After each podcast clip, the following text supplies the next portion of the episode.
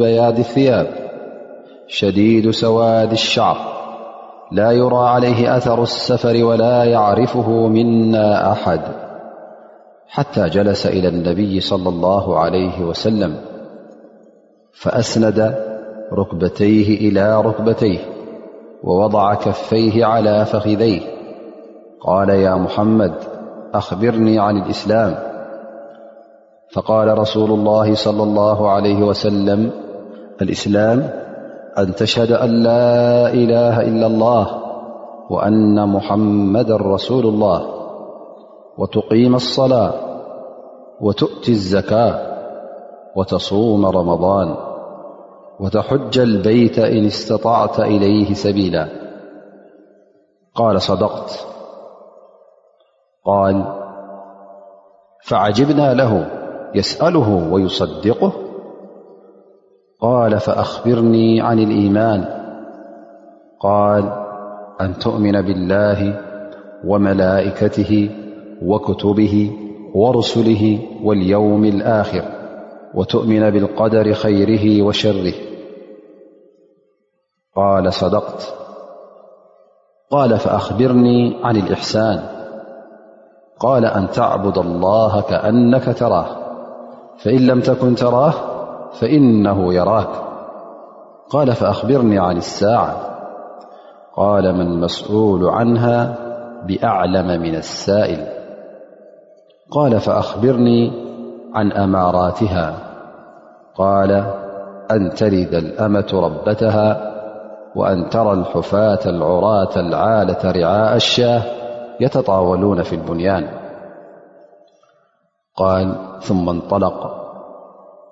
فلبثت مليا ثم قال لي يا عمر أتدري من السائل قلت الله ورسوله أعلم قال فإنه جبريل أتاكم يعلمكم دينكم رواه مسلم خل حاديث زي كافت أحاديث أربعين نويا زبلنا يوم ዑመር እብን ኸጣብ ረድ ላሁ ዓንሁ ኣብ ቅድሚኦም ዝረኣይዎ ጉዳይ ምስ ነቢና ሙሓመድ صለ ላ ለ ወሰለም ተረኽበ እዩ ማለት እዩ ይብል ዑመር ብን ኸጣብ ረቢ ይርደየሉ ሓደ ግዜ ምስ ነቢና ሙሓመድ ኮፍ ኢልና ከለና ሓደ ሰብኣይ ብጣዕሚ ፃዕዳ ክዳን ተኸደነ ውፁእ ፃዕዳ ክዳን ማለት እዩ ዝለበሰ ከምኡ ውን በዓል ፀሊም ፀጉሪ ናይ መገሻ ምልክት ዘይብሉ ሕና ውን ካባና ውን ዝፈልጦ ሰብ ኣይነበረን እዚ ሰብ እዚ ናባና መፅኡ ናብ መን ይቐርብ ናብ ነቢና ሙሓመድ ለ ላ ለ ወሰለም ቀሪቡ ኣብ ቅድሚኦም ኮፍ ይብል ብርኩ እውን ተን ክልተ ኣብራኹ ኣብ ምስተን ኣብራኽ ነቢና ሙሓመድ ለ ላ ለ ወሰለም ኣብ ቅድሚኦም ኮፍ ኣቢሉ ምስ ኣብራኾም የላግበን ተን ክልተ ዳኡ እውን ኣብ ልዕሊ ሰለፉ የንብረን ሽዑ እንታይ ይብል እዚ ጋሻ እዚ እዚ መጀመርያ ግዜ ንኦ ዘለና ሰብኣይ ያ ሙሓመድ እንታ ሙሓመድ ብዛዕባ እስልምና እስኪ ንገረኒ ኢሉ ይሓትት ኣነቢ صለ ላه ለ ወሰለም እስልምና ሓደ ኣላህ ጥራይ ንሱ ኣምልኾት ዝግብኦ ወይ ከዓ ንሱ ጥራይ በዓል ኣምልኾት ከም ምዃኑ ክትምስክርን ከምኡ ውን ንመሓመድ ልኡኹ ከም ምዃኑ ክትምስክርን ሰላትካ ከተቕውምን ዘካትካ ክትህብን ሮሞዳን ክትፀውምን ሓጅ ድማ እንተ ደኣ ክኢልካ ኣብ ቤይትላ ንክትፍፅምን እዚ ዩ ትስልምና ኢሎም ይምልሱሉ ከምዚ ኢሎም ምስ መለሱሉ እንታይ ይብል ሰደቕታ ወሓቅኻ ኢሉ ድማ ነቢና ሙሓመድ ለ ላ ሰለም ይምልሰሎም ሕጂ ይብል ዑምር ንኸጣብ ፈዓጅብና ለሁ የስኣሉ ወይሰድቁ እንታይ ደኣ ሉዚ ሰብኣይ እዙ ይሓትት ሓቲቱ ድማ ዳሕራይ ወሓቅኻ ኢሉ ድማ ይምልስ እንታይ ደኣ ሉ ኢሎም ተገሪምና ይብል ዑመር ንኸጣብ ብድሕሪኦ እውን ኣስዒቡ ይሓትት ብዛዕባ ኢማን እስከ እውን ንገረኒ ፈነቢ ስ ሰለም ይብሉ ኣንትእሚና ብላሂ ብኣላ ስብሓን ወተዓላ ክትኣምን ብመላእካ ብክቱብ ኣላ ስብሓን ወተላ ዘውረዶ ክታብቲ ማለት እዩ መፅሕፍቲ ብመፃሕፍቲ ብልኡኻን ብመዓልቲ ምፅት መዓልቲ ቅያማ ከምኡ ውን ብውሳነ ኣላህን ፅሑፍቶ ኣላህን ሰናይ ይኹን እከዩ ናይ ኣላ ስብሓን ወተላ ፅሑፍቶ ከም ምኳኑ ክትኣምን ኢሎም እነቢ ስ ሰለም ይምልሱ ሽዑ እውን ሰደቕታ ይብል እዎ ሓቅኻ እሞ ብዛዕባ ኣልእሕሳን ድማ እስከ ንገረኒ ኢሉ እውን ሓትት እነቢ ስ ሰለም ድማ ይብሉ ልክ ንኣላ ስብሓን ወተላ ከም ትሪኦ ዘለኻ ኮንካ ኣብ ቅድሜኻ ብዓይነኻ ትሪኦ ከም ዘለኻ ኮንካ ክትግዝኦ ወይ ከተምልኾ እንተ ደኣ ብዓይነኻ ዘይትሪዮ ኣለኻ ኮንካ ድማ ንሱ ይርእካ እዩ ብርግፅ ሽዑ እውን ብድሕሪ እዚ መልሲ እዚ እንደገና እውን ይሓትት ፈኣኽቢርኒ ዓን ሳዓ ብዛዕባ ናይ ሳዓ ሳዓ ማለት ቅያማ ማለት እዩ እሞ ብዛዕባ እዛ መዓልቲ እዚኣ ውን ንገረኒ ኢሉ ውን ይሓትት ፈነቢ ለ ላ ለ ወሰለም እንታይ ኢሉ ብልሱ መልመስኡሉ ዓንሃ ብኣዕለመ ምና ሳኢል እቲ ዝሕትት ዘሎ ካብቲ ዝሓትት ዘሎ ዝያዳ ዝፈልጦ የብሉም ብዛ ጉዳይ እዚኣ ማለት ኣንታ ስኻ ትሓድተኒ ዘለኻ ካባኻ ዝያዳ ኣነ ዝፈልጦ ነገር የብለይን ስለዚ ክምልሰካ ኣይክእልን እየ ከምዚ ኢሎ ምስ መለሱ እንታይ ኢሉ ይሓትት ሰብኣይ እሞ ምልክታት ናታ እስከ ሞዳይሪት ነግረኒ እሳ ካብ ዘይፈለጥካያ ስቲ ምልክታ እንታይ እዩ ፈነቢ ስ ሰለ እንታይ ኢሎ ይምልሱ ባርያ ጎይታኣ ክትወልድ ከምኡ ውን እቶም ጥራይ እግሮምን ጥራይ ነብሶምን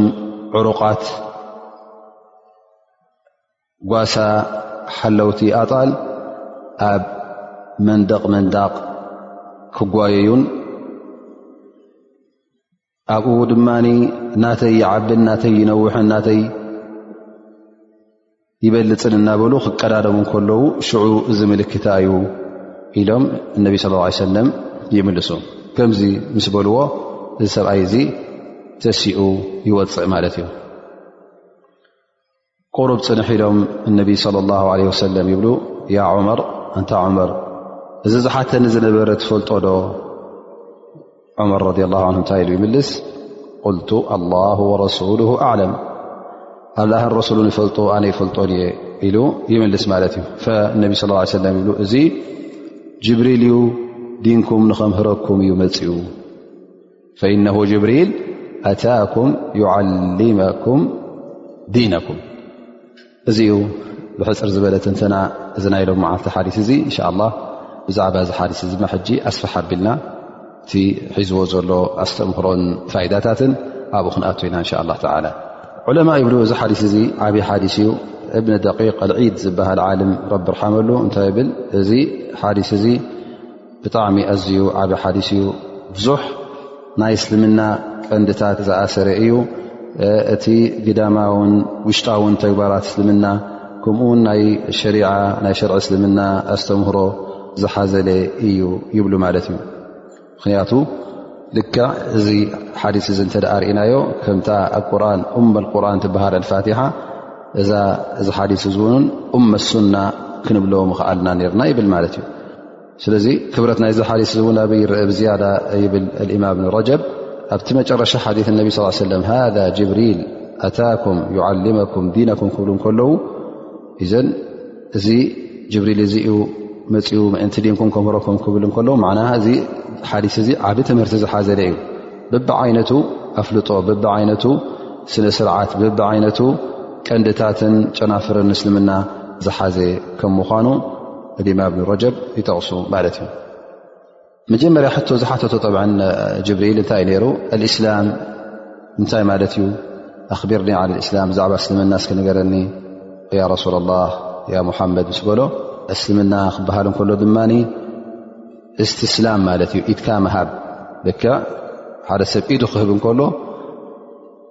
እቲ ሒዝዎ ዘሎ ሰብ ወይ ከዓ ነቲ ኢትካ ሂብካዮ ዘለኻ እንታይ ካትከውን ማለት እዩ ቁፅፅርካ ንኡ ሂብካዮ ማለት እዩ ድላይካ ትገብር ንታይ እሱ ዝበለካ ካ ትገብር ፈልእስላም ወልእስትስላም ኢትካ መሃብ ማለት እዩ ንምንታይ ነቲ ሸርዕ እስልምና ኢትካ ነቲ እምነት ኢትካ መሃብ ማለት እዩ እስላም ክበሃል ከሎ ድማ ብዝያዳ ኣብ ምንታይ ይመፅእ ቃሉ ፊ ሸርዕ ዋ እዝሃር ልክضዕ ወእዝሃር ሸሪዓ እቲ ሸርዒ እስልምናን እቲ እምነትካን ኣብ ግዳማዊ ተግባራትካ ክረአ ከሎ እቲ ኣላ ስብሓን ወተላ ዝኣዘዞ እቲ ነቢና ሓመድ ስ ሰለም ዝኣዘዞ ድማ ኣብ ግብሪ ክትሪኦም ከለኻ እዚ እስልምና ይበሃል ማለት እዩ ፈኢዘን እዚ ሓዲስ እዚ ተዳሪናዮ ኣዕማል ጀዋርሕ ዝኣስር ክኸውን ማለት እዩ ብኣካላትካን ብመልሓስካን እትገብሮ ተግባራት ናይ ሰላት ኮይኑ ናይ ሸሃዳ ኮይኑ ናይ ዘካት ኮይኑ ናይ ሓጅ ኮይኑ እዚ ኩሉ ዕባዳት በደኒ የበሃል ማለት እዩ እዚ ትቐንድታት ናይ እስልምና ብኣካልካ እትፍፅሞ ማለት እዩ ብ ኣብዚ ሓዲስ እዚ እቲ ተጠቂሱ ዘሎ ሰላትን ኣርካን እስላም ተጠቂሰን ኣለዋ ግን እዚአን ቀንድታት ስለ ዝኾና ናይ እስልምና እሰን እየን ግን እቲ እስልምና ጥራይ ሰን ማለት ኣይኮነን ግን እዘን ተጠቂሰን ዘለዋ ተን ቀንድታት ናይ እስልምና እየን ግን እስልምና ሰፊሕ እዩ ገፊሕ እዩ ስለዚ ኣተ ነቢ ስለ ላ ለ ወሰለም ካብቲ ስነ ስርዓታት ዛዕባ ናይ እስልምና ክጠቕሱ ከለዉ እንታይ ይብሉ ኣልሙስሊም መን ሰሊመ ልሙስሊሙና ምን ልሳን ወየድህ ኣስላማይ እቶም ኣስላም ካብ መልሓሱን ካብ ኢዱን ናፃ ዝኾኑ እዮም ማለት ነቶም ኣስላም ዘይጓዳእ ብመልሓሱ ይኹን ብኢዱ እዘን እዚ እስልምና እዩ ወየቁል ነቢ ስ ሰለ ምን ሑስኒ እስላም ልመር ተርክሁ ማ ላ ያዕኒ ሓደ ካብቲ ናይ እስልምና ድማ ኣብ ዘየድልየካ ጣልቃ ዘይምእታው እዩ ሓደ ሰብ ኣብ ዘይምልከቶ ነገር ጣልቃ ዝኣቱ ሰብ እዚ ሕጂ ካብቲ ስነስርዓት ናይ እስልምና ኣይኮነን ካብ ስነስርዓት እስልምና ውፅኢ ስለዚ እስልምና እዚ ኩሉ ዝሓዘለ እዩ ግን እዚ ሓዲስ እዚ ክጠቅስ ከሎ እንታይ ጠቂሱ ከምቲ ነቢና ሓመድ ተቐንድታት ናይ እስልምና ብኣካላትካ ትገብሮ ተጠቂስዎ ማለት እዩ ንሰን ድማ ተጠቂሰን ዘለዋ ከምቲ ዝጠቀስናዮ ናይ ሸሃዳን ሰላትን ፆምን ዘካትን ሓጅን ተን ኣርካን እስላም ዝበሃላ እየ ብድሕሪኡ እውን ብዛዕባ ናይ ኢማን ተጠቒሱ ማለት እዩ ብዛዕባ እዚ ክዝረብ ዝከኣል እውን እተ ኣሎ ኮይኑ እቲ ቀንዲ ኢማን እንታይ እዩ ናይ ብሓቂ እምነት ኣብ ልብኻ ክትዓቀሩ ከለኻ ማለት እዩ ነቢይ صለ ላ ለ ወሰለም ኢማን ክገልፅዎ ከለዉ ኣብዚ ሓዲስ እዚ ብምንታይ ገሊፆም በተን ቀንድታት ናይ ኢማን በተን ኣርካን ልኢማን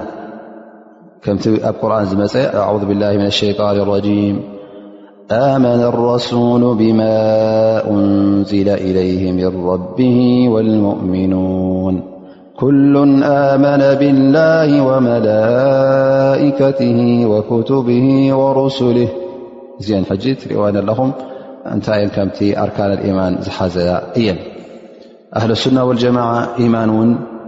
ብቓልካን ብተግባርካን ብንያኻን ብልብኻን እተረጋግፆ ጉዳይ እዩ ኩሉ ተግባራት ኣብቲ ትሕቲ ኢማን እውን ክቁፅር ይከኣል እዩ ከምቲ ኣህለሱና ወልጀማዓ ዝብልዎ እቲ ኢማን ጥራይ ናይ ልባዊ እምነት ኣይኮነን እንታይ ደኣ ልባዊ እምነትን መልሓሳውን ተግባራውን ዘማለአ እዩ ነቢ ስለ ላ ለ ሰለም ግን ኣብዚ ክጠቕስዎ ከለዉ እቲ ብካልእ መረዳእታ ገይሎም ኣረዲኦምና እቲ ድማ ብካልእ እስልምና እንታይ ከም ምኳኑ ኢማን እውን እንታይ ከም ምኳኑ ግን ኩሉ እውን ሓደ ሽም ክወሃብ ይኽእል እዩ እተ እስላም ኢልካ ኢማን እውን ከጠቓልል ይኽእል እዩ ወይ ኢማን እተ ኢልካ ውን እስልምና ከጠቓልል ይኽእል እዩ ግን እንተ እስላም ወልኢማን ክልትኤን ብሓደ እተ ተጠቒሰን ነናተን ፍልይ ዝበለ ትርጉም ክሕዛ ይኽእላ እየን ግን እንተ በበይነን መፅን እስላም ንበይና እተ ጠቂሳ ወይ ከዓ ኢማን ንበይና እተ ጠቂሳ ንክልቲኡ ትርጉም ክዕብልላ ይኽእላ እየን ማለት እዩ ኣህል ሱና ወልጀማዓ እውን ኣነ ዓመል ምን ልኢማን ይብሉ ተግባራት ሰላት ይኹን ፆም ይኹን ሰናይ ተግባር ኩሉ ካብ ኢማን እዩ ዝቁፀር እዚ ካበይ ተበጊሶም እዮም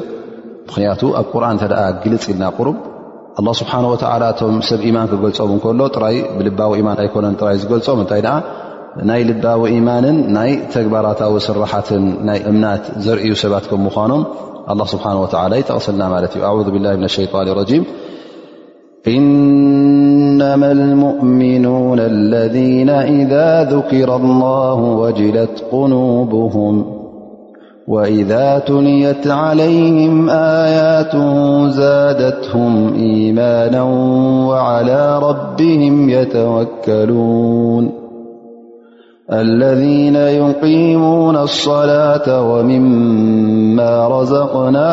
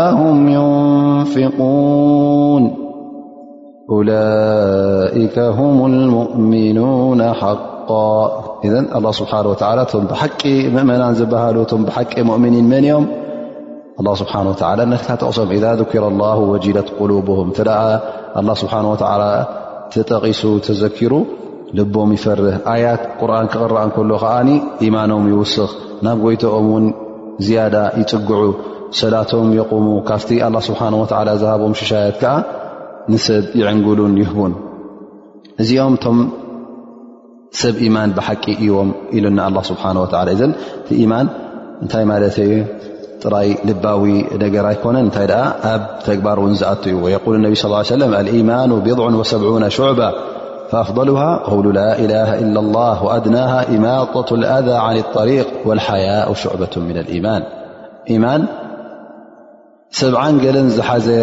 ጨንፈራት እዩ እቲ ዝበለፀንቲ ዝለዓለን ላኢላሃ ኢለ ላ ትብል ቃል እያ እታ ዝተሓተት ካብ ናይ ኢማን ተግባር ከዓ ካብ መንገዲ ጉድኣት ምርሓቕ ካብ መንገዲ እሾ ኮይኑ እምኒ ኮይኑ ዝኾነ ይኹን ንሰብ ዝጎድእ ንኡ ገለል ኣቢልካ ከተርሕቆ ከላካ መንገዲ እዚ እውን ካብ ኢማን እዩ ሕፍረት ሓያ ምግባር ስክፍታ ውን ካብ ምንታይ ዩ ካብ ኢማን እዩ ኢሎም ነቢ صለ ላ ለ ወሰለ እዘን ኢማጠት ኣዛ እንታይ እዩ ተግባር እዩ ብኢትካ ብጉልበትካ ዝስራሕ ነገር እዩ ሕማቕ ነገር ተዕሪኻ መንገዲ ንሰብ ዝዕንቅፍ ጉድጓት ኮይኑ እምኒ ኮይኑ ገለ ኮይኑ ንዑ ከተመዕራር እተ ተረኪብካ እዚ ተግባር እዚ ካብ ኢማን ናይ ኢማን እዩ ኢሎም ነቢ ለ ላ ለ ወሰለም ከምኡ ውን ኣህል ሱና ወልጀማዓ እንታይ ይብሉ ኢማን እኮ ይዛይድን ይውስኽን እዩ ኣብ ልቢኻ እዚ ኢማን እዚ ኩሉ ግዜ ሓደ ደረጃ ኣይኮነን ኸይድ እንታይ ደኣ ይውስኽን ይንክን እዩ ይበዝሕን ይጎድልን እዩ እዚ ነገር እዚ እውን ኣብ ቁርን ተጠቒሱ እዩ ቃል ኣላ ስብሓን ወተላ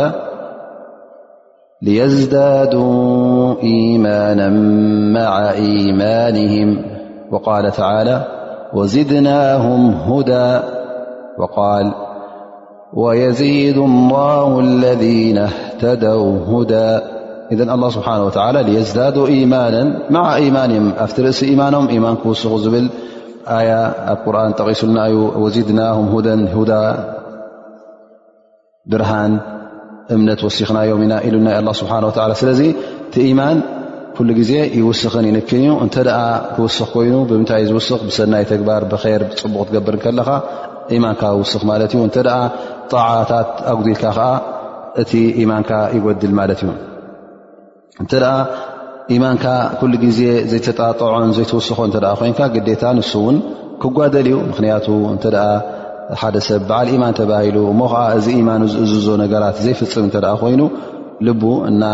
ተረረን እና ሰነፈን ክኸይድ ስለዝኾነ እቲ ኢማን እውን እናተጓደለ ይኸይድ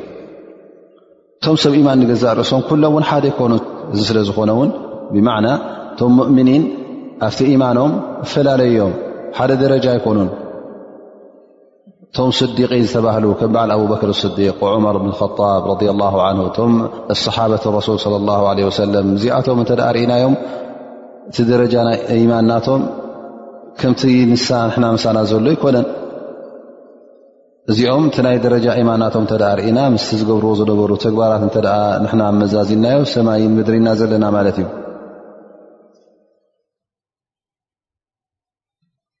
ዑመር ብን ጣብ ረ ላ ተሓቲቱ ሓደ ግዜ ሃልካነ ኣስሓብ ረሱሉ ላ ለ ላ ለ ወሰለ የضሓኩን ብፆት ነቢና ሙሓመድ ስ ሰለም ስሕቁዶ ነይሮም እዮም ኢሎም ንዑምር ብከጣብ ምስ ሓተትዎም ይብሉ ቃል ናዓም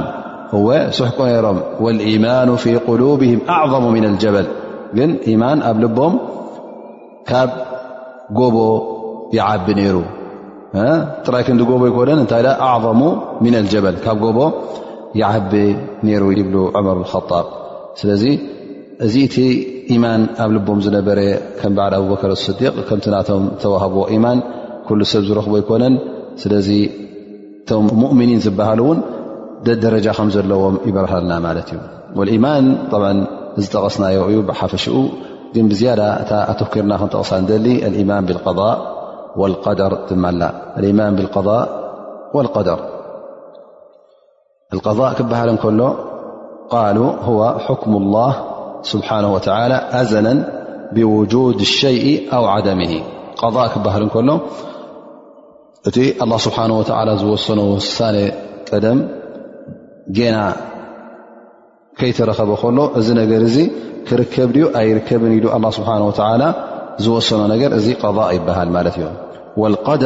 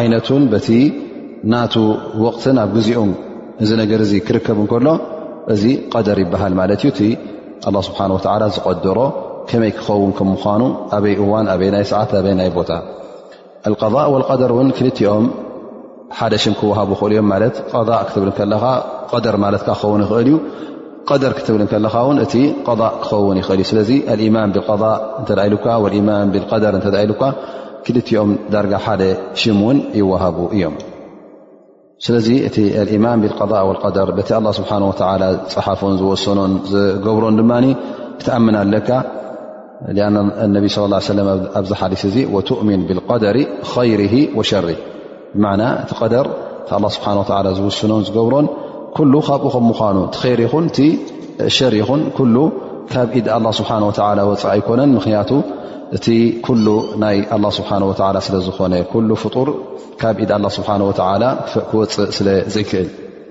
ኣልኢማን ብልቀደር ክበሃል ከሎ ከመይ ጌርና ክንርድኦ ኣለና ከመይ ጌርና ክንኣምን ኣለና ብክልተ ሸነኻቱ ክንኣምን ኣለና ቀዳማይ ነገር ኣላ ስብሓን ወተላ ዝኾነ ነገር ከይተረኸበ ከሎ እዚ ነገር እዚ ክርከብ ከም ምዃኑ ከም ዝፈልጥ ካብኡ ዝሕባእ ነገር ከምዘየለ ዕልም ላ ስብሓን ወተላ ሳቢቁን ድማ ያመል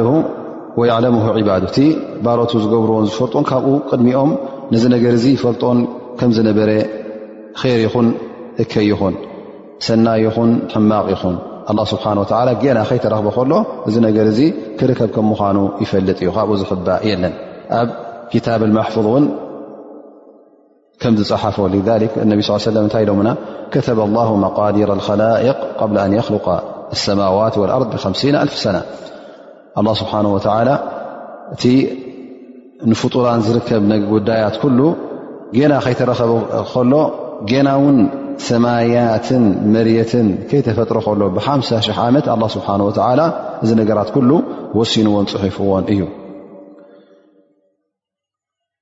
ከምኡ ውን ካብቲ ክንኣምኖ ዘለና ه ስብሓ ወ ሊق ኣፍዓል ባድ ኩ ስብሓ ወ እቲ ባርያ ሰብ ዝገብሮ ዘሎ ስብሓ ዝፍፅምዎ ዘለዉ ተግባራት ኩሉ ስብሓ ወ ከምዝኸለቆ ክንኣምን ኣለና ማለት እዩ ካብ ፍጥረት ስብሓ ውፅ ኣይኮነን ወይ ወዲ ሰብሲ ተግባራቱ ባዕሉ ይኮነን ዝፈጥሮ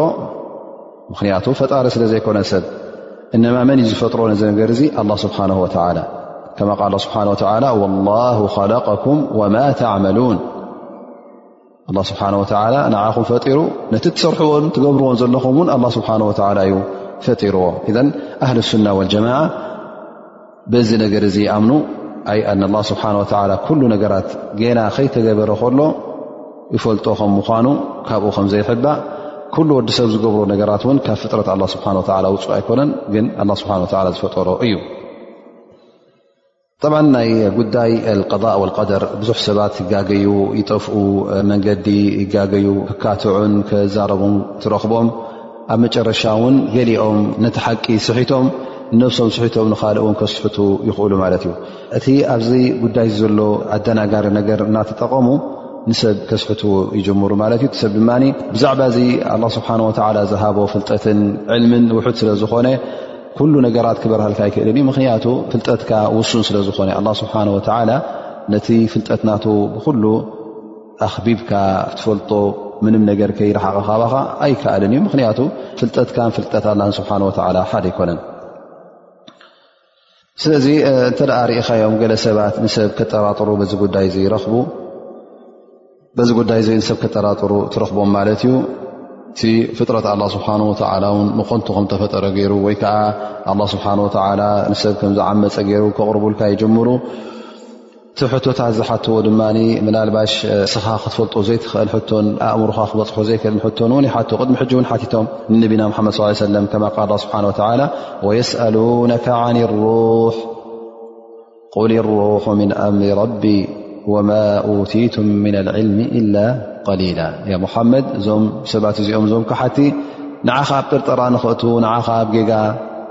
ኣብ ስሕታ ንክውዕሉ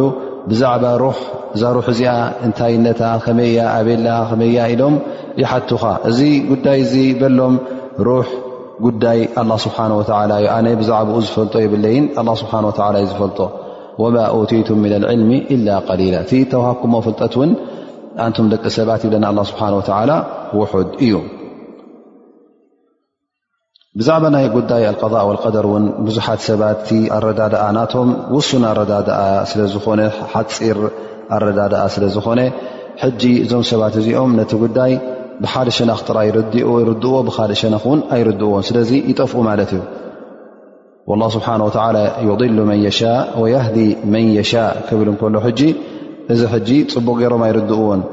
እቲ መሽኣት ላ ስብሓ ወ ክል ዓይነት ከም ምዃኑ ኣይፈልጡን ድልት ወይ ከዓ ኢራዳ ናይ ኣላ ስብሓ ወላ ኢራዳ ከውንያ ዝበሃል ኣሎ ኢራዳ ሸርዕያ እውን ዝበሃል ኣሎ ማለት እዩ ማለት ኣላ ስብሓን ወላ ዝኣዘዘካ ንክትገብሩ ኣሎ እዚ ነገር እዚ እውን ኣላ ስብሓን ወላ ይደልዮ ማለት እዩ ድልት ናት እዩ ኢማን ክህልወካ ኢማንካ ሒዝካ ቀጢካ ክትከይድ ሰናይ ተግባራ ትገብር እዚ ኢራዳ ሸርዒ ይበሃል ከምኡ ውን መሽኣ ወይ ኢራዳ ከውንያ ዝበሃል ኣሎ እሱ ከዓ ናይ ፍጥረት ጉዳይ ማለት እዩ ኣላ ስብሓን ወተዓላ ክፈጥርን ከምውትን ክሕይን እዚታት ነገር ካልእ ዓይነት እዩ ስለዚ ነዚ ነገራት እዚ ስለ ዝተሓዋወሶም ነዚ ጉዳይ እዚ ዘየፅረዩ ሰባት ነብሶም ኣታሊሎም ንሰብ እውን ከጋግ ይኽእሉ ማለት እዩ ኣላ ስብሓን ወተላ እውን ወዲ ሰብ መሽኣ ከም ዘለዎ ጠቂሱና እዩ ወማ ተሻኡና ኢላ ኣን የሻ ኣላ እን ወዲ ሰብ ድልት ኣለዎ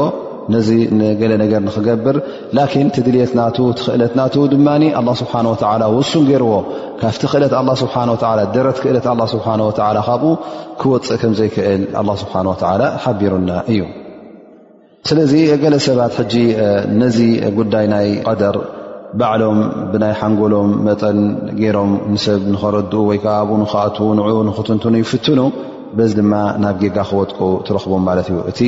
ኣያታት እቲ ሓዲ ናይ ረሱል ለ ላ ለ ወሰለም ኣፀቢቆም ክርድእዎ ስለ ዘይከኣሉ እውን ኣብ ምንታይ ይወጥቁ ማለት እዩ እዚኣ ነገር እዚኣ ውን ብጣዕሚ ብርትዕቲ ስለ ዝኾነት ኩሉ ሰብ እውን ተመራሚሩ ኣብ መጨረሻ ክበፅሓላ ስለ ዘይክእል ብዙሕ ዕልሚ ፅቡቕ ዕልሚ የድልየካ እዩ ስለዚ እዚ ሰብ እዚ ብዛዕባ እዚ ክዛረብ እንተ ኮይኑ እኹል ዕልሚ ክህልዎ ኣለዎ እኹል ፍልጠት ክህልዎ ኣለዎ ብኣያታት ናይ ቁርን ብሱና ናይ ነቢ ሙሓመድ ለ ላ ሰለም ምእንቲ ንሰብ ከረድእ ከካታዕ እንተ ደልዩ ማለት እዩ ብ ብዛዕባ ናይ ጉዳይ ኣላ ስብሓን ወላ ክዝረብ እተ ኮይኑ ብዛዕባ ክእለቱን ብዛዕባ ፍልጠቱን ከመይ ጌርካ ንኣላ ስብሓን ወላ ትገልፆን ቅፅላት ኣላ ስብሓን ወላ ብዛዕባኡ ክዝረብ እተ ኮይኑ ኣላ ስብሓን ወላ ብዛዕባኡ ክንፍልጦ ዘለና ጉዳያት ኣሎ ቀዳማይ ነገር እንታይ ክንፈል ኣለና ማለት እዩ እቲ ሲፋት ላ ስብሓ ወ ቅፅላት ኣላ ስብሓ ወ ካብ ቅፅላት ደቂ ሰብ ፍልይ ከም ምኳኑ ብማዕና ዕልም ላ ስብሓ ወ ለይሰ ከዕልሚ በሸር ፍልጠት ኣላ ስብሓ ወ ዕልሙን ፍልጠቱን ከም ናይ ሰብ ኣይኮነን እንታይ ደኣ ፍልይ ዝበለ እዩ ኣላ ስብሓ ወ ፍልጠት ኣለዎ ዕልሚ ኣለዎ ወዲ ሰብ እውን ናቱ ፍልጠትን ዕልምን ኣለዎ ላኪን ክልትኡ ፍልጠት ይሰመ ደኣ እምበር በበይኑ እዩ ኣላ ስብሓን ወተላ ኣብ ዕልምናቱ ኣብ ፍልጠትናቱ ሙሉእ ዘይጉዱል እዩ ወዲ ሰብ ግን ሙሉእነት የብሉን ካብ ኣላ ስብሓን ወተላ ዝሕባእ ነገር የለን ኣላ ስብሓን ወተላ እውን ዳክራይ ዝፈለጠ ኣይኮነን ወዲ ሰብ ግን ክውለድ እንከሎ ወላ ሓንቲ ከይሓዘ እዩ ዝውለድ ጃሂል ደንቆሮ እዩ ዝውለድ ዳሕራይ እዩ ፍልጠትን ዕልምን ዝቐስም ኣመ ኣላ ስብሓን ወተላ ናይ ዘለኣለም ፍጥረት ኣለዉ ፍልጠት ዘለዎ እዩ ከምኡ ውን ኣላ ስብሓን ወተላ ካብ ኩሉ ጎድለታት ንፁህን ፅሩይ ከም ምዃኑ ክንኣምን ኣለና ነዚ ነገር እዚ እውን ከነረጋግፅ ኣለና ማለት እዩ ፈፂሙ ኣላ ስብሓን ወተላ እውን ከምዘይዕምፅ እና ላ ላ የظሊሙ ምፍቃል ዘራ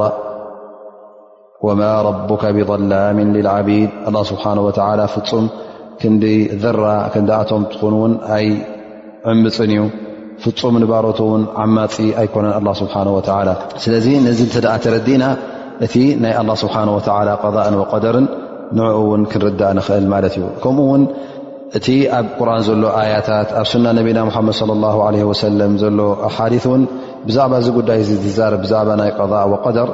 ንሓደ ክልተ ጥራይ ወሲድና ናብኡ ጥራይ ክንምርከስ የብልናን እንታይ ደኣ ሓፈሻዊ ወይ ከዓ ዓብላሊ ኣወሳስዳ ገርና ክንወስደ ኣለና ንኩሉ እቲ ኣያታት ወሲድና ንሉ እቲ ሱና ነቢ ሙሓመድ ስ ሰለም ዝጠቀስዎ ብዛዕባ እዚ ንኩሉ ብሓደ ኣኪብና ወሲድና ካብኡ ፀሚቕና ተረድኦ ቅኑዕ ተረድኦ ክንወስድ ንኽእል ኢና ከምኡ እውን ክንርድኦ ዘለና ብዛዕባ ቀዛ ወቀደር ክዝረብ ክንከሎ ምክንያቱ ገለ ሰባት እንታይ እዮም ዝብልኻ እሞ እንተ እዚ ሰብሲ ከምዚ ኮይኑ ጌጋ ከምዝጋገ እተ ኣ ስብሓ ወላ ፈልጥ ነይሩ ኮይኑ ከመይ ገይሩ ይሓስቦ እተ ከምዚ ኮይኑ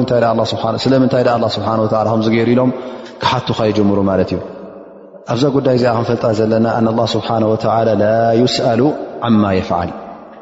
ከማ ቃል ላ ስብሓን ወተላ ላ ይስኣሉ ዓማ የፍዓሉ ወሁም ይስኣሉን ኣላ ስብሓን ወተላ እንታይ ጌርካ ስለምንታይ ጌርካ ኢልካ ኣይሕተትን እዩ እቲ ዝሕተት ቶም ፍጡራት እዮም እዚ እንተ ደኣ ፈሊጥና እዛ ኣያ እዚኣ ኩሉ ግዜ እንተ ትዘኪርናያ ስለምንታይ ኣላ ስብሓን ወላ ነዚ ከምዚ ዘይገበሮ ስለምንታይ ደኣ ከምዚ ገይርዎ ኢልካ ክዝረብ የብሉን ኣን ኣላ ስብሓን ወተላ የፍዓሉ ማ የሻ ድላዩ ዝገብር ምልኪናቱ ስለ ዝኾነ ዋኒኑ ስለ ዝኾነ እዚ ዓለም እዚ ኩሉ ስለምንታይ ኣብ ምልክኻ ኣብ ትመልኮ ከምዝ ከምዝ ጌርካ ከ ከምዝ ዘይገበርካ ኢልካ ክትዛረቡን ሕቶ ከተቕርበሉን ኣይፍቀደካን እዩ ኣንታ ባርያ እስኻ ኢኻ ትሕተት ስለምንታይ ዘይተኣዘዝካ ስለምንታይ ቃል ኣላ ስብሓን ወተላ ዘይሰማዕካ እምበር ቃል ኣላ ስብሓን ወላ ተመጣጢርካ ኣንታ ረቢ እዚ ስለምንታይ ከምዚ ገርካዮ ስለምንታይ ዘይገበርካዮ ክትብል እዚ ጉድለት ናይ ኢማን ይኸውን ማለት እዩ ወዲ ሰብ ድማ ከምቲ ኣላ ስብሓን ወተላ ዝኣዘዞ እቲ ዝኣዘዞ ነገራት ክፍፅም ይግባእ ኣብ መጨረሻ እቲ ውፅኢት ግን ኣብ ኢድ መን ዮ ኣብ ኢድ ኣላ ስብሓን ወተላ ውፅኢት ካባካ ኣይኮነን ዝድለ ግን እስኻ ሰበብ ትገብር ከምቲ ኣላ ስብሓን ወተዓላ ዝኣዘካ እቲ ዝግበር ትገብር ኣብ መጨረሻ ግን እቲ ውፅኢቱ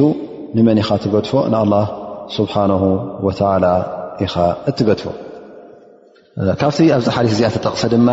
ዓላማት ሰዓ ይ ሕቶ እንታይ ነይሩ ብዛዕባ ዮም ቅያማ ብዛዕባ እሳዓ መዓልቲ ንፃት እንታይ ትፈልጥ ኢሉ ምስ ሓተተ ጅብሪል እነቢ ለ ላ ለ ወሰለም እባ እዚኣስ እቲ ሕተት ዘሎ ካብቲ ዝሓትት ዘሎ ዝያዳ ዝፈልጦ ነገር የለን ኢሉ ምስ መለሰ ንልካ ደኣሲ ኣበይ ሓሊፉ ትሕቶ እሞ እንታይ ደኣ ምልክታት ኣለዋ እዛ መዓልቲ እዚኣ እዛ ቅያማ እዚኣስ ቅድሚኣ እንታይ ክመፅእ እዩ ምልክት ዝኸውን ኢሉ ሓቲቱ ማለት እዩ ነቢ ስ ሰለም ል ኣንተሪደ ኣመቱ ረበተሃ ባርያ ጎይታኣ ክትወልድ እንከላ ይኸውን ኢሎም ማለት እዩ ባርያስ ጎይታኣ ክትወልድ ብ ዕለማ ነዚ ብክልተ ሰለስተ ዓይነት ተፍሲር ተዛሪቦምሉ ማለት እዩ እሱ ከዓ እንታይ ማለት እዩ ዝብሉ ውላድ ንወለዱ ክብሪ ክኸልኦም እንከሎ ዕቁቕ ዋሊዴን ክበዝሕ እንከሎ ነዲኡ ከም ባርያ ገይሩ ክጥምታ እንከሎ እዚ እዩ ማለት ኢሎም ዕለማ ተዛሪቦምሉ ማለት እዩ ብና የስተሂን ብኡም ነዲኡ እቲ ዝግባእ ክብረት ምስ ዘይሃባ እሞ ከዓ ልክዕ ከም ባሪኡ ገይሩ ድላዩ ክጨቁናን ክሃርማን ክረአ ከሎ እዚ ይብሉ ማለት እዩ ካልኣይ ነጥቢ ኢሎም ላ እዚ ኮነን ትትርጉሙ ካልእ እዩ እንታይ ደኣ እቲ እስልምና ኣስፋሕፊሑስ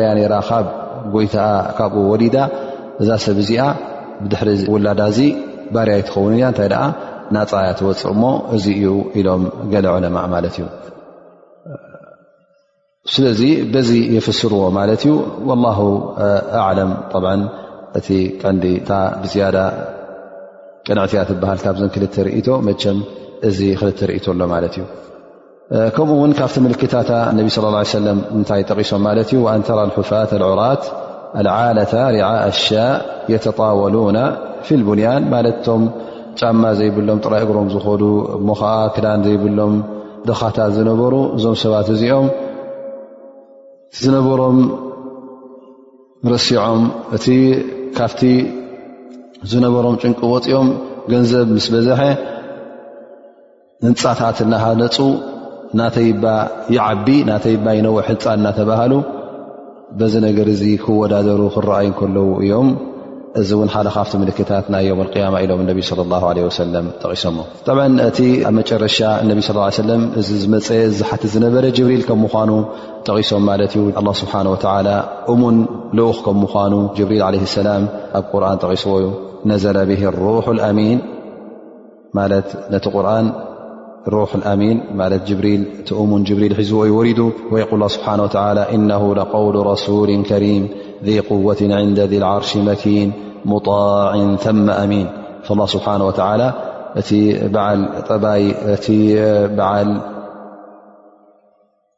በዓል ሰናይ ተግባር በዓል ሓይሊ እቲ መራሒ መላእካ ማለት እቲ እሙን እቲ ሓያል ኢሉ ኣላ ስብሓን ወተላ ኣብዚ ኣያታት እዚ ጠቒስዎ እዩ ብ ጅብሪል ለ ሰላም ናብ ነቢና ሓመድ ለ ላ ሰለም ክመፅእ እንከሎ ብብዙሕ ዓይነት ገይሩ መፅእ ነይሩ እነሀልካ እዛ ዝረኣናያ ሓዲ ሕጂ ሰብ ተመሲሉ መፅኡ ማለት እዩ ክሪእዎ ከለዉ ውፁእ ፃዕዳ ክዳን ተኸዲኑ ፀለሎ ዝመስል ጨጉሪ ፍፁም ናይ መገሻ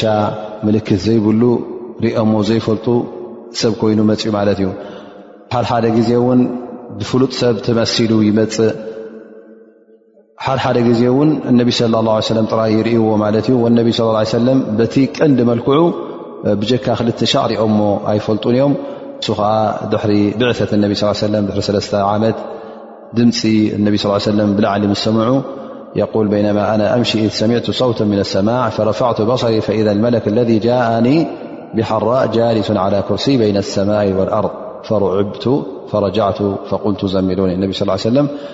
ነዚ ጅብሪል እዚ በቲ መልክዑ ዝረኣኹሉ ይብሉ ሓደ ግዜ ድምፂ ሰሚዐ ላዓለይ ብላዕሊ ወገን ኣብ ላዕሊ ግልፅ ተበልኩ ነቲ ኣብ ቓር ሕራእ ዝመፀኒ መላእካ ጅብሪል ኣብ መንጎ ሰማይን መሬትን ኣብ ሰድያ ኮፍ ኢሉ ርኦዮ ይብሉ ማለት እዩ ካልኣይ እዋን እውን እስራ ወልምዕራጅ ክገብሩ ከለዉ ኣላ ስብሓን ወተላ ካብ መሬት ንሰማይ ዕርገት ገብረሎም ከሉ ነቢና ሙሓመድ ለ ላ ለ ወሰለም ሽዑ ርኦሞ ማለት እዩ ላዕሊ ኣብዚ ኣድማስ እዚ ነዚ ኣድማስ እዚ ኩሉ ሸፊንዎ ሽዱሽተ ሚእቲ ግልግለታት ዘርጊሑ ጅብሪል ዓለ ሰላም ተራእዩ ማለት እዩ በብ ዓይነቱ ሕብሪ ዘለዎ ግልግለታት እዘን ጅብሪል ከምዚ ዝመስል ክልቃ ወይ ከዓ ፍጥረት እዩ ሓደ ካብቶም ክቡራን መላእካ ከም ምኳኑ ኣላ ስብሓን ወተላ ጠቒሱልና እዩ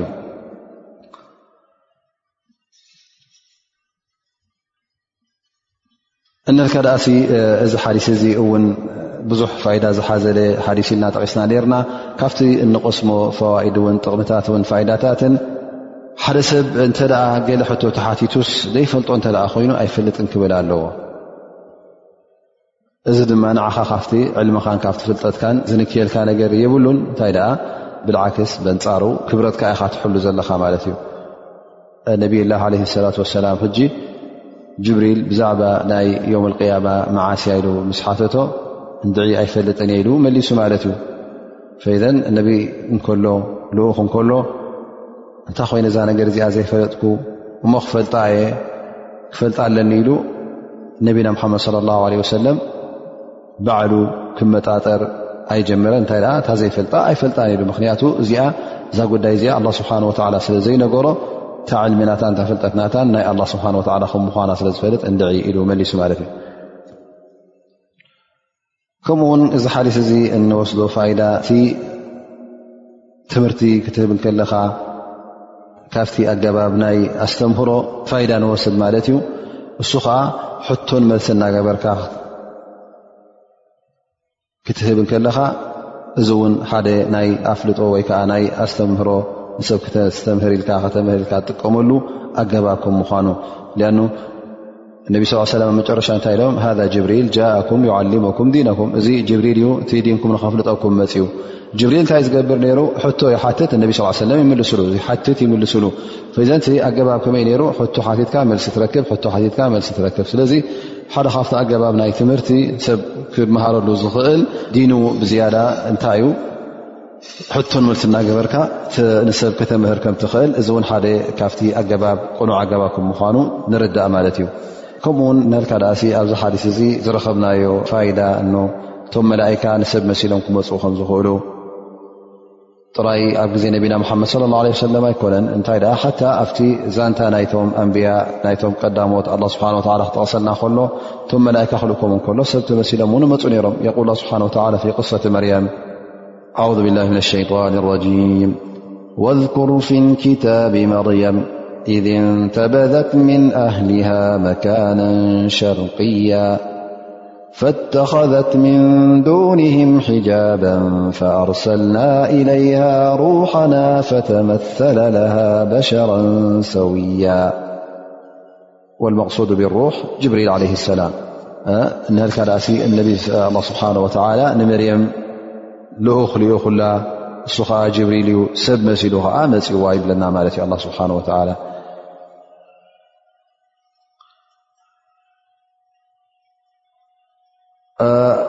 ጠብዓ ሓዲስ ኣብዚ እውን ካብቲ ፋይዳ እንወስዶ እ ነዊሕ ህንፃታት ምህናፅ ጌጋ ማለት ኣይኮነን እንታይ ደኣ እዚ ካብቲ ዓላማት ዝሰዓ ከም ምኳኑ ነቢ ስ ሰለም ጠቂሶም ኣለዉ ግን እንታይ ማለት እዩ እንተ ኣብ ዘየድሊ ነገር ኮይኑ ሱቕ ኢልካ ዘይጠቅም ናብዚታት ክትመጣጠር ወይ ከዓ ናብኡ ክትወዳደር ከም ዘየድልዩ ጥራይ ዝሕብረና ዘሎ ማለት እዩ ሓዲ ድላለት ላ ከራሃት ማ ላ ተድዑ ሓጃ ኢለይ ምና ልቢናእ ወሚን ተጥዊል ልቢና ወተሽይድ ሱቕልካ ዘየድሊ ጥራይ ንተፋኹር ኣነ ሓይሽ ኣነ በልፅ ኢልካ እንተ ናብኡ ክተወዳደር ኮይንካ እዚ ፅቡቕ ከም ዘይኮነ ላኪን እተ ኣድላዩ ኮይኑ እንተ ትጥቀመሉ ኮይንካ እዚ ነገር እዚ ጌጋ ማለት ኣይኮነን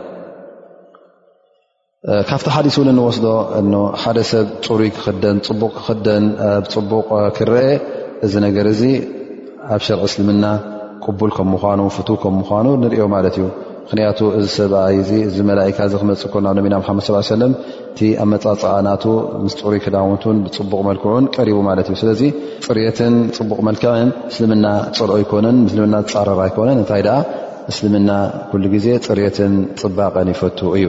ከመይ ጌርካ ውን እዚ ሓዲስ እዚ እውን ይርኤየና ከመይ ጌርካ ከም እትዕለም ክትመሃር ከለኻ ነቲ ዘምህረካ ውን ብዓይኒ ክብሪ ክትሪኦ ከም ዘለካ ኣብ ቅድሚኡ ቀሪብካ ክትወስድ ከለኻ ፍልጠትን ዕልምን ክትቀስም ከለኻ ክብረት ዘለዎ ኣረኣያን ክብረት ዘለዎ ኮፋ ባህላን ጌርካ ክትቀርብ ከም ዝግባእ እዚ ሓዲስ እዚ እውን ኣርዩና ማለት እዩ ካብቲ ካብዚ ሓዲስ ውን እንወስዶ እቲ غብ እቲ ሕቡእ ነገር ስቱር ነገር ውን ብጀካ ኣላ ስብሓን ወተላ ዝፈልጦ የለን ወላ መላእካ ይኹን ወላ ውን ልኡኻን ኣላ ስብሓን ወላ ይኹኑ እተ ኣላ ስብሓን ወላ ዘየፍለጦም ሲ እቲ ስቱር ነገር ብ ነገር ሕቡእ ነገር ኣይፈልጥዎን እዮም እቲ ሕቡእ ነገር ዝበሃል እቲ ብ ዝበሃል ብጀካ ኣላ ስብሓን ወላ ስቱር ነገር ብካ ላ ስብሓን ወላ ዝፈልጦ የለን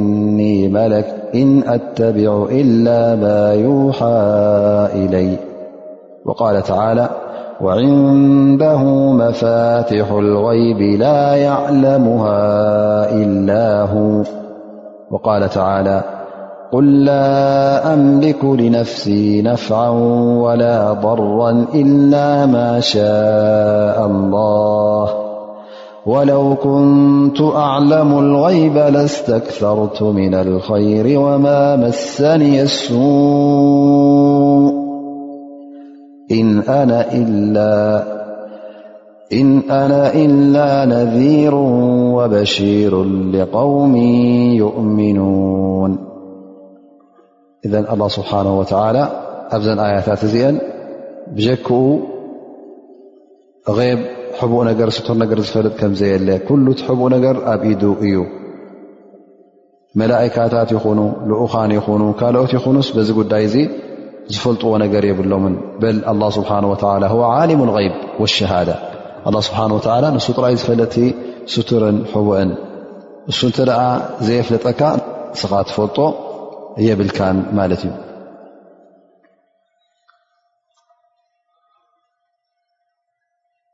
ስለዚ እዚ ሓዲስ እዚ ከምዚ ዝረኣናዮ